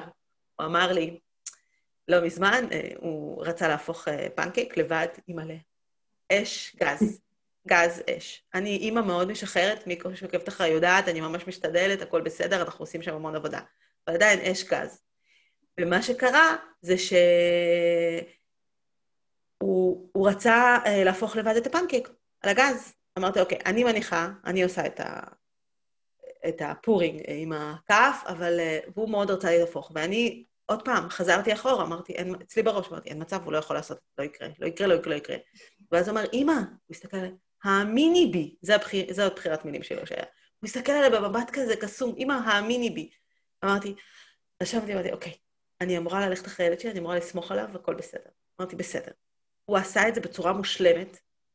אני לא האמנתי שזה קרה, ילד בן ארבע וחודש, הפך פנקק עם, אה, עם מרית, להפוך, כל הפעולה הזאת, לבחור איזה פנקק, לגשת אליו, זה המון כישורי חיים, זה המון ידיים, זה המון עבודה. ואחר כך, כשאמרתי לו, אביעד, אתה יודע, זה אומר שעוד מעט אתה תוכל ללמוד ולהכין פנקק לבד. והיה לו ברק בעיניים, הוא הסתכל עליי ואמר, אמא, ואז אני לא אצטרך אותך יותר. בדיוק. הוא היה מאוד שמח, אני נלחצתי לאותו רגע, אבל, אבל את מבינה, זה מה שאנחנו רוצים, לשם אנחנו מכוונות. אנחנו רוצות לגדל ילדים שמאמינים בעצמם, שיכולים לעשות כל דבר, שלהשתפר זה כלפי עצמם, וש... כל הדברים האלה, ובסופו של דבר, כדי שילד ירגיש ככה מבפנים, וזה מה שאני כל הזמן אומרת, זה לא מספיק שנכתוב סיסמאות ונדבר, בוא נעצים את הילדים שלנו. אני שונאת את, שונאת את המשפט הזה, גם עבור מבוגרים. לא צריך להעצים את ההורים של הילדים שלנו, אנחנו רק צריכים להיות שם עבורם, ולהראות להם את הדרך, ולהאמין בהם, איך הוא ביקש, איך הוא ביקש, הוא ביקש כל כך יפה. אמא, האמיני בי. אז, אה, אז כן. אבל אה, אני, היה חשוב לתת להם אור, כן? כי זה היה נראה לרגע שרק למי שיש לו הכשרת AMI, הוא יכול ליישם מונטסורי בבית, ו... וזהו, ואין אין, אין אפשרות אחרת. אז זהו, אז אני באמת אה, שוב עוצרת ומסייגת את מה שאמרתי קודם, כאילו, אני מחברת למה שאמרתי קודם, על העניין של הסימני קריאה. זה לא עכשיו... המטרה של הקבוצה, או של הפוסט הזה ספציפית, היא לא להגיד, מונטסורי זה הדבר הכי טוב, ורק אם תעשו אותו בצורה הזאת והזאת יש לזה ערך. ממש ממש לא. זה אומר שיסתכלו על ילדים פה ושם, בכל מיני מסגרות, וראו כל איזה שהם הבדלים. Uh, זה לא אומר שאם זה לא יהיה ככה, לא יהיה לזה שום ערך ושום תרומה. מבחינתי, מה שזה אומר, מה האפקט שאני חושבת שזה יכול לעשות, כאילו האינפוט הזה שדיברתי עליו, זה, אוקיי, יש דבר כזה שנקרא מונטסורי, נראה שזה כן משפיע על הילדים בצורה זו או אחרת. בוא נסתכל, בוא נראה, בוא נראה מה מתחבר אלינו. זה הכל. זה, זה מבחינתי המסר. אמ, אני חושבת שהדבר המעניין במונטסורי הקלאסי זה באמת שזה נותן מענה למחקר, לסתירות במחקר, במובן הזה זה מעניין. אמ, אני לגמרי מסכימה עם מה שאת אומרת, ו, אה, וגם המונטסורי הקלאסי, למה את קוראת קלאסי, אה, שבאמת על ללכת אחרי הילד, שזה אחד העקרונות המשמעותיים, זה לא משהו שאפשר להגדיר אותו במתכון. ממש אה, לא. זה המון אינטואיציה ורגישות שמתפתחת בדו-שיח, דו-שיח בתוך הבית, אבל בתוך כיתה זה רב-שיח עם כל הילדים כקבוצה וכל אחד בפני עצמו. אז שוב, מאוד מאוד קשה להגדיר מה זה מוטסורי קלאסי, וזה באמת גם מגבלה של מחקר, מחקר לא יכול לתפוס הכל. כשהתופעה היא מאוד מאוד מורכבת, כמו גישה חינוכית, אי אפשר לתפוס הכל, פשוט אי אפשר. אה, וזה מוביל אותי באמת אה, לשאלה הגדולה שהתחלתי איתה, שהיה, שהקושי שלי הוא מוטסורי, שזה העניין של המשחק החופשי.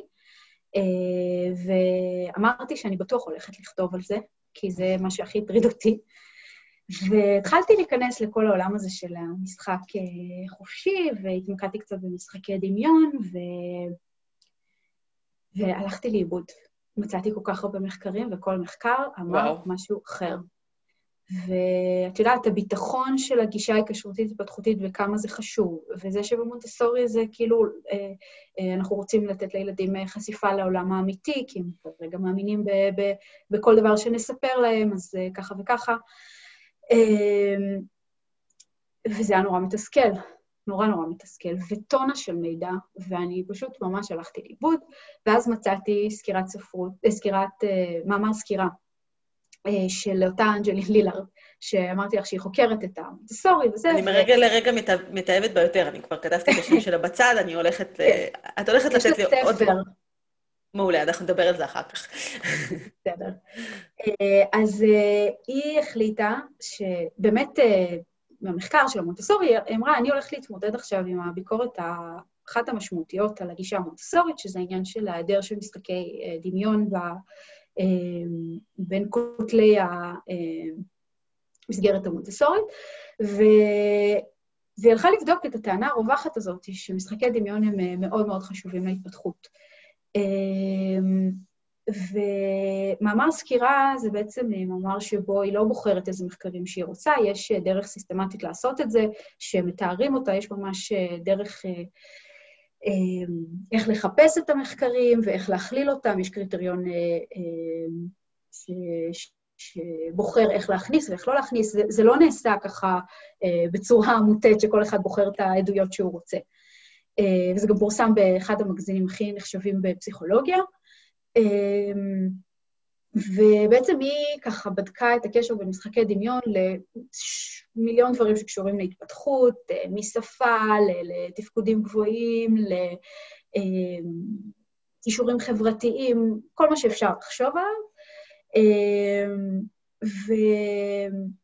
ובעצם היא העלתה שלוש השערות השערה אחת זה שמשחקי דמיון הם קריטיים להתפתחות, זאת אומרת, בלי משחקי דמיון תהיה פגיעה בהתפתחות. השערה השנייה זה שמשחקי דמיון הם, הם תורמים להתפתחות, אבל זה דרך אחת מיני רבות. אה, היא לא הכרחית, היא פשוט אחת מהן.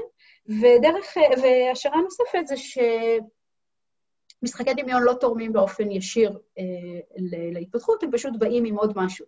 למשל, לא יודעת, אני משחקת משחק דמיון, ואני באינטראקציה עם אנשים. אז יכול להיות שמה שמוביל להתפתחות זה אינטראקציה עם אנשים, ולא העניין ששיחקתי עכשיו בכאילו.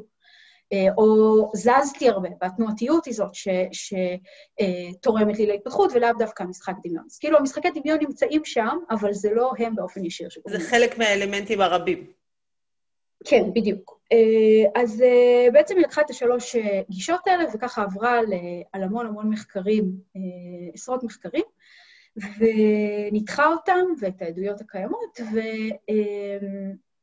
ובעצם אה, העדויות כמו שהן קיימות, אה, כמו שהן היו לפחות קיימות עד 2013, הם לא, אה, הם לא הסתדרו עם הגישה הרווחת שמשחקי דמיון הם קריטיים להתפתחות. הערה, זה שהם לא הסתדרו זה לא אומר שזה לא נכון, זה פשוט אומר שהמחקר לא תומך בזה. לא, כן, אין כן. מספיק עדויות, אין מספיק עדויות. זה אוקיי. המילה. והרבה מזה זה כי קשה מאוד לחקור את זה. איך את בעצם בודקת משחקי דמיון? את לוקחת ילדים למעבדה ואומרת להם, תשחקו משחקי דמיון? לא יעבוד. איך את תתפסי, אביעד משחק משחקי דמיון? איך מישהו ממעבדה יכול למדוד את זה? זו שאלה מאוד מאוד קשה. בגלל שזה דבר שהוא ספונטני, אז מאוד קשה אה, אה, למדוד אותו.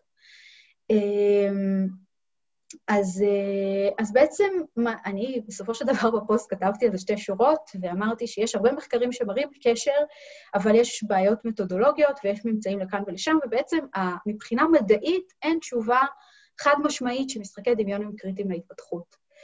אמ, אז בעצם נשארתי עם אותה אה, בעיה, כן, לא, לא פתרתי לעצמי את, ה, את הבעיה הזאת. אה, בסופו של דבר כן סיפרתי על עוד משהו בפוסט ש, אה, שהוא מעניין, שזה העדפה של ילדים, שאמרתי, אוקיי, אז המחקר לא סגור עצמו, בואו נשאל את הילדים מה הם מעדיפים.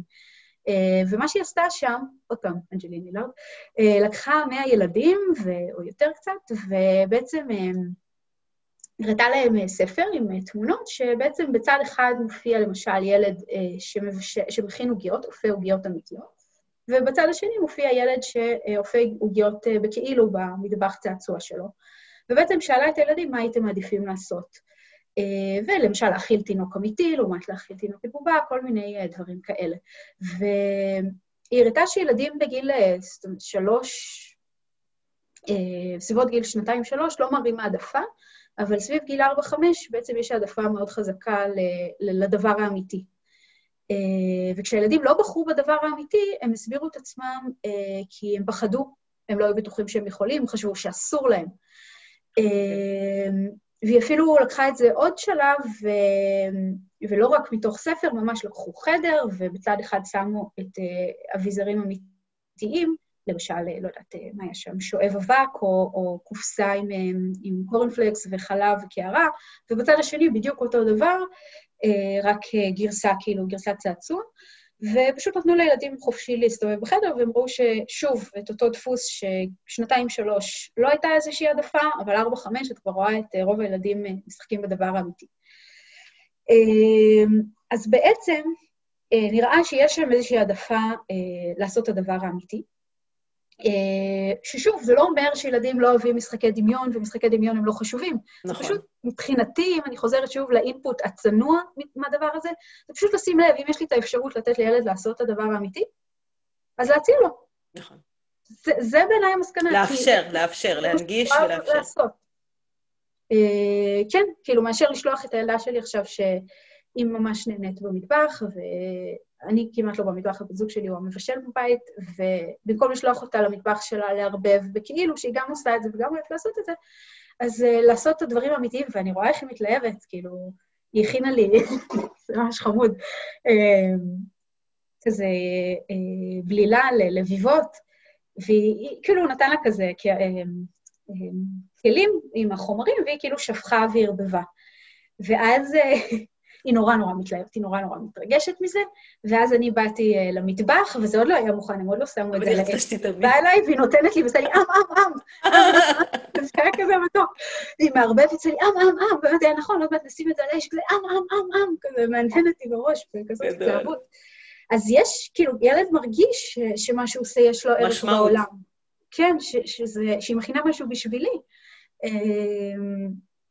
אמ, ואפשר לאכול אותו, ו... אז אני חושבת שזה, כאילו, מכל הסיפור הזה, המסר בעיניי זה מה שאמרתי קודם, לאפשר לילדים להתעסק בדברים האמיתיים. אה, והשאלה אם משחקי דמיון חשובים או לא, נשארת, אה, באמת, עד כמה הם חשובים, היא באמת נשארה פתוחה, והפוסט הזה גם עורר אה, קצת אמוציות. ברור, כי בעצם את, את שם ערערתם בנות עולם של אנשים, זה לא פשוט. אני רק רוצה להגיד, אני לא יודעת אם שמת לב, אבל אמר דברים כמו נטייה טבעית למשמעות, לחקירה, אה, המצפן הפנימי, המשפטים כמו של מריה מהממת, אה, ללכת אחרי הילד, שאם אנחנו נאפשר לילדים שלנו לעשות את הבחירה, הם ימננו לעצמם את המינון המדויק עבור הדבר, ואנחנו צריכים להשאיר להם, להנגיש להם, להנגיש להם את החיים האמיתיים, וגם לאפשר להם לברוח מהם. נגיד, אם אביעד איתי במטבח כי, כי, כי בא לו, ופתאום לא בא לו יותר, כי הוא נגמר לו, והוא רוצה עכשיו ללכת ולבנות ארמונות ולדמיין, אז זה המקום שלו מעולה, הוא יודע מה נכון בשבילו, הוא יודע מה למנן. אם אני עשיתי את הסביבה, אם אנחנו נעשה את הסביבה שהיא מאפשרת לילד למנן לבד, מתוך מעט גירויים ומתוך uh, הנגשה, ואת כל הדברים האלה, מושלם. זה בדיוק מה שמריה אמרה כל הזמן, היא אמרה, על איך היא אמרה? היא אמרה, אתם כל פעם שואלים, מסתכלים עליי ואני מצביעה לכם על ה... עם האצבע על הילד, תסתכלו על הילד. ו...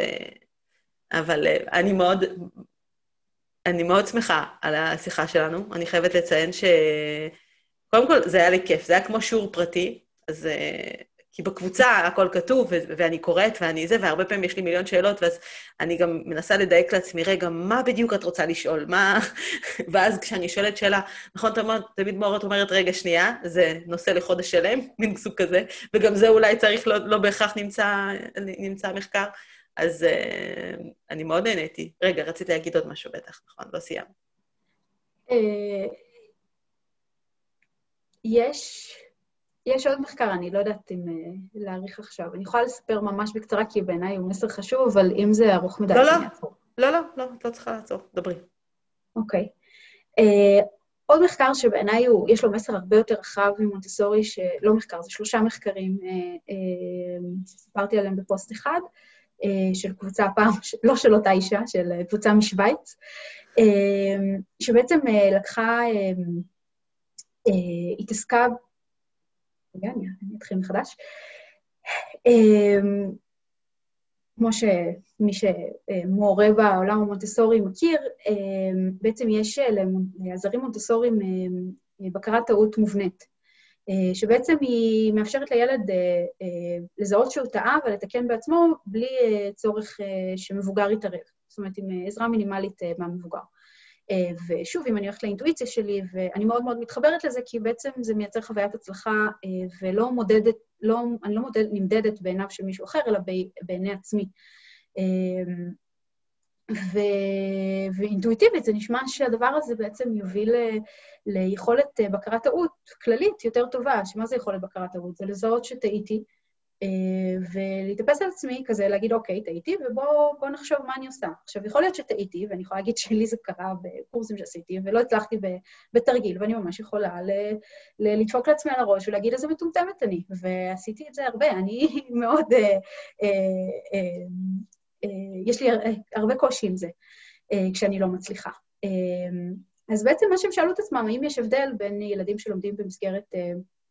אה, מונטסורית, ש, שבה בקרת טעות היא מאוד אה, אה, ככה מובנית ו, אה, ונותנת לילד להתעסק עם עצמו שם, עם ה, להתבחבש עם עצמו עם הטעויות, לעומת מסגרת שבה טעויות הן בעצם איך ילד יודע שהוא טעה מפידבק חיצוני שהוא מקבל, שזה מהמורה, אם זה ציונים, אה, אם זה בדיקת עבודות בעת אדום, אה, ובדרך כלל גם הפידבק מגיע בדיליי, שזה גם משהו לחשוב עליו. ילד בעצם מגיש עבודה, ואחרי שבוע הוא מקבל אותה. ויש גם את החרדה, וגם כאילו, הוא כבר הרבה אחרי שהוא היה בתוך הסיפור הזה. ואני חושבת שיש למידה במקומית, זאת אומרת, להצליח לזהות את הטעות במקום ולתקן אותה במקום, יש לה ערך יותר משמעותי מהדיליי שכבר עברו לי מיליון דברים בראש עד אז. אה, אז הם בעצם רצו לבדוק אם יש הבדל ביכולת בעצם אה, של ילדים אה, ללמוד מטעויות, והם מדדו את זה בכל מיני דרכים, אני לא אכנס, אבל התשובה, זאת אומרת, הממצא העיקרי הוא שלא היה הבדל. זאת אומרת, הם, לקח להם אותה, בעצם הם הצליחו באותה מידה ולקח להם אותה כמות זמן להתמודד עם הטעויות. אבל בכל זאת הם מצאו איזשהו הבדל, התפתחותי כלשהו, ששוב, אני לא אכנס לפרטים, אני אכנס רק לזווית אחת שהם הלכו לראות מה קורה במוח. בעצם הם נתנו לילדים לבצע את המשימות, וראו שהם טעו, ומתקנים את עצמם, ותוך כדי הם רשמו בעצם פעילות מוחית. ומה שהם ראו, שיש אזורים במוח, או פעילות חשמלית במוח שמקושרת לזיהוי של טעות, ו... ו... ואזורי, ואיזושהי פעילות חשמלית במוח של כזה מין תחושה של, של הצלחה כזאת, של חוויה חיובית. והם ראו שאצל המונטסורים בעצם הפעילות המוחית היא מוקדמת יותר, והיא באמת קשורה לאזורים של בקרת טעות, של בעצם error monitoring זה נקרא, שאני כאילו, שהמוח מזהה שמשהו פה לא בסדר, כאילו טעיתי. והיא הגיעה מאוד מאוד מוקדם, זאת אומרת, הפעילות המוחית, וכאילו הסיגנל המוחי שנרשם, ואצל הלא מונטסורים הפעילות המוחית נרשמה קצת יותר מאוחר ובאזורים של חוויה חיובית כזאת, של אחרי שהם הצליחו לתקן את עצמם. וגם הם מצאו שזה באמת קשור לאזורים, כאילו, יש חיבוריות שונה בין אזורים במוח, חיבוריות שונה בין אזורים במוח בזמן הפעילות הזאת. אז מה שכל זה אומר לי בסופו של דבר, הם מצליחים באותה מידה, אבל נראה שהאסטרטגיות שונות. נראה שהמונטסורים הם יותר uh, עסוקים בטעות וב... Uh, לתקן אותה. לתקן אותה, והלא מונטסורים בעצם, החוויית הצלחה היא זאת ש, uh, שמכוונת אותם, ויש באמת איזושהי קישוריות עם אזורים של זיכרון במוח, שכאילו להטמיע את מה עשיתי עכשיו, שהוביל אותי להצלחה, כדי שאני אעשה אותו שוב. אז בעצם נראה, שוב, זה הכל עדויות, זה לא חד משמעית, זה מה שקורה, אבל יש עדויות שתומכות בזה שיש שתי אסטרטגיות שונות. אז להורים שאת יודעת שכאילו כל הזמן חושבים מה הדבר הכי טוב לילד ומה הכי יעזור לו, אז נראה שהמוח הוא, הוא, הוא בסופו של דבר די גמיש. הוא מצליח להתמודד עם תנאי למידה שונים מאוד ועדיין להצליח, למרות שהאסטרטגיות שונות. אפשר להגיד שאולי אסטרטגיה אחת היא בסופו של דבר תהיה יותר טובה מאחרת, אבל המחקר הזה מראה שבפועל אין הבדל בביצועים, כן יש הבדל באסטרטגיות. שזה מסר מרגיע בעיניי להורים. אז זה היה לי חשוב גם להגיד את זה. מהמם. יש לי שאלה. האם הם חקרו את התחושות של הילדים אה, מהרגע שהם טעו ועד שהם תיקנו את הטעות? אם הם דיברו על רגשות, או שרק, רק, או שבעצם לא. אי אפשר לראות את זה? כי זה פרט מאוד חשוב. נכון, ברור. הדיווח שלהם על, ה... על איך הייתה החוויה שלהם, לא, הם לא עסקו בזה. הם ממש מדדו כאילו יכולת בקרת טעות. זאת אומרת, זה הדבר שהם... אוקיי. Okay. היכולת של הילד בעצם לזהות שהוא טעה ולתקן את עצמו וכמה זמן זה לוקח לו. זה הדבר שהם התמקדו בו, לא בתהליך הרגשי. התהליך הרגשי זה עוד יותר קשה למדוד אותו. שאת דיברת עליו בעצם, את הזכרת אותו, ואת אמרת עכשיו ש... מאוד קשה לך להתמודד עם טעויות, שלום, גם לי ולהרבה מאיתנו, אנחנו בוגרי אה, מסגרות מסורתיות, ואנחנו אה, הרבה פעמים גם נמנעים מלעשות משהו כדי שלא נטעה, כי זה גדול עלינו, כי זה קשה כמו הילדים הם שאמרו שאולי הם לא הצליחו להכין את האוכל הזה, אולי אסור להם, או כל מיני דברים כאלה. וזאת נקודת מבט שלי על הדבר הזה, שילד מונטוסורי הוא זה מה, ש, זה שתמיד, זה תרגיל שאני תמיד אומרת ל, לעשות, שאם נשברה כוס, במקום להגיד, וואו, מי עשה, למה, וזה, להתעסק באשמה, אנחנו נלך להגיד, רגע, כמו שילד מונטוסורי עושה, נשברה כוס, מה עושים? צריך, ל... אוקיי, אוספים, ממשיכים הלאה את היום. וזה, וזה, וזה כבר לא כזה, זה לא משהו גדול, אבל כן, אה, אה, זה מעניין, זה מאוד מאוד מעניין. בקיצור, צריך עוד מחקרים, זו המסקנה שלי. צריך עוד מחקרים, אז אה, יאללה. לכי על זה, כי צריך עוד, אנחנו צריכים אה, דברים שקשורים כן לרגשות, כי, כי בתור מישהי שבעד הגישה ההיקשרותית ההתפתחותית ומונטוסורי ביחד, את יודעת שיש לזה משמעות מאוד מאוד גדולה, אנחנו לא מסתכלים רק על המוח של הילד, על כולו, ו... אבל כן. אה, אני חייבת להגיד שאני ממש נהניתי, מאוד מאוד נהניתי. כבר אמרתי את זה קודם, אבל ממש ממש נהניתי. באמת שיעור פרטי מעניין מאוד. אוקיי, אז אנחנו נוסיף לכישורים גם ההזמנה לקבוצה שלך, כמובן, וגם אני רוצה פרטים על אה, אנג'לינה. אנג'לין לילארד. אנג'לין לילארד, אני רוצה, כן, פרטים, ועל הספר שלה שאמרת ש... שיש לה ספר, אז אני אשמח שתשלחי לי כדי שאני אוכל להוסיף את זה לכישורים. ו... ואם יש עוד משהו שאת רוצה, שחשוב לך להגיד ככה, רגע לפני שאנחנו מסיימות, איזשהו מסר. כמו שאמרתי, ערוץ אה, זה עולם שמלא ברישות אשם, אז תמיד לשאול שאלות. אה, ואני מקווה שהקבוצה שלי תהיה עוד מקום, כמו הרבה מקומות אה, מוצלחים בפייסבוק, כמו הקבוצה של אפרת, תהיה עוד מקום שבו אפשר לשאול שאלות ולנשום לרווחה. מעולה. כן, זאת המטרה שלנו. ותודה רבה לך, אפרת, שהזמנת אותי על ההזדמנות. בשמחה. ובכלל אני... על כל הפרגון, על כל הפרגון, גם בקבוצה שלך, התמיכה וה, והמענה, וגם אה, הפרגון אה, עם התמיכה של הקבוצה שלי. אני ממש... אה, אני לומדת ממך הרבה. איזה חמודה, תודה רבה. עכשיו אני מתרגשת. אני חייבת להגיד שדיברנו על זה קודם, שאחד המטרות ששתינו מאוד מתחברות, מונטסורי, והגישה ההיקשרותית ההתפתחותית, וזה שבעולם אנחנו צריכות לעשות הכל כדי להעביר את הידע כמה שיותר למשפחות ולאנשים ולהורים ולאמהות, כמה שיותר, כדי שכולנו ננשום ונהנה מהיום ממש שלנו, נסתכל על הילדים שלנו ופשוט... הרי אני חושבת שעיקר העבודה בהורות זה עבודה על עצמנו, נכון? את יכולה להסכים איתי או לא, אבל אה, שכל התיקונים שאנחנו עושות, אנחנו עושות על עצמנו כדי שאנחנו לא נבוא לילד שלנו ויגיד, וואו, איזה באסה, עשיתי טעות, איזה מפגרת אני, אלא אה, כי... ו- ו- וזה קורה לנו הרבה, נכון? אלא רגע, שנייה, אני אעצור רגע, אני אנשום, אני לא אגיד את זה, ואני אגיד, אוי, נפל לי, איזה באס, אני כל כך עצובה, אני מאוד אהבתי את הכוס הזאת, אוי, לא הצלחתי, אני ממש רציתי להצליח ולא הצלחתי, או כל דבר אחר שנותן לילדים שלנו את הכלים כדי, כדי שהם יעשו את זה קצת אחרת. הרי זאת, זאת המטרה שלנו, בשביל זה התכנסנו כאן היום, בשביל לא סתם הדבר המדהים הזה שקרה לך, ה, שהנפש שלך שלה לא אפשרה לך לבחור שום דבר אחר חוץ מלהיות שם נוכחת עם הבחירת הלב הזאת ולהיות שם עבור הילדים שלנו. אז אני... אה, המון חיבורים, כן, יש בינינו מהבחינה הזאת. אז אה, כן, זה המסר. המסר, אין סימני קריאה. אה, כל דבר הוא עם סימן שאלה בסוף. הילדים שלנו צריכים לקבל הרבה פעמים סימן קריאה בתור ביטחון, כן, אבל...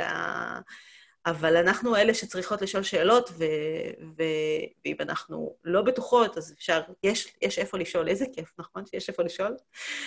לגמרי. בעיניי הפייסבוק הוא מקום מדהים לגדול בו כהורים. אני מסכימה.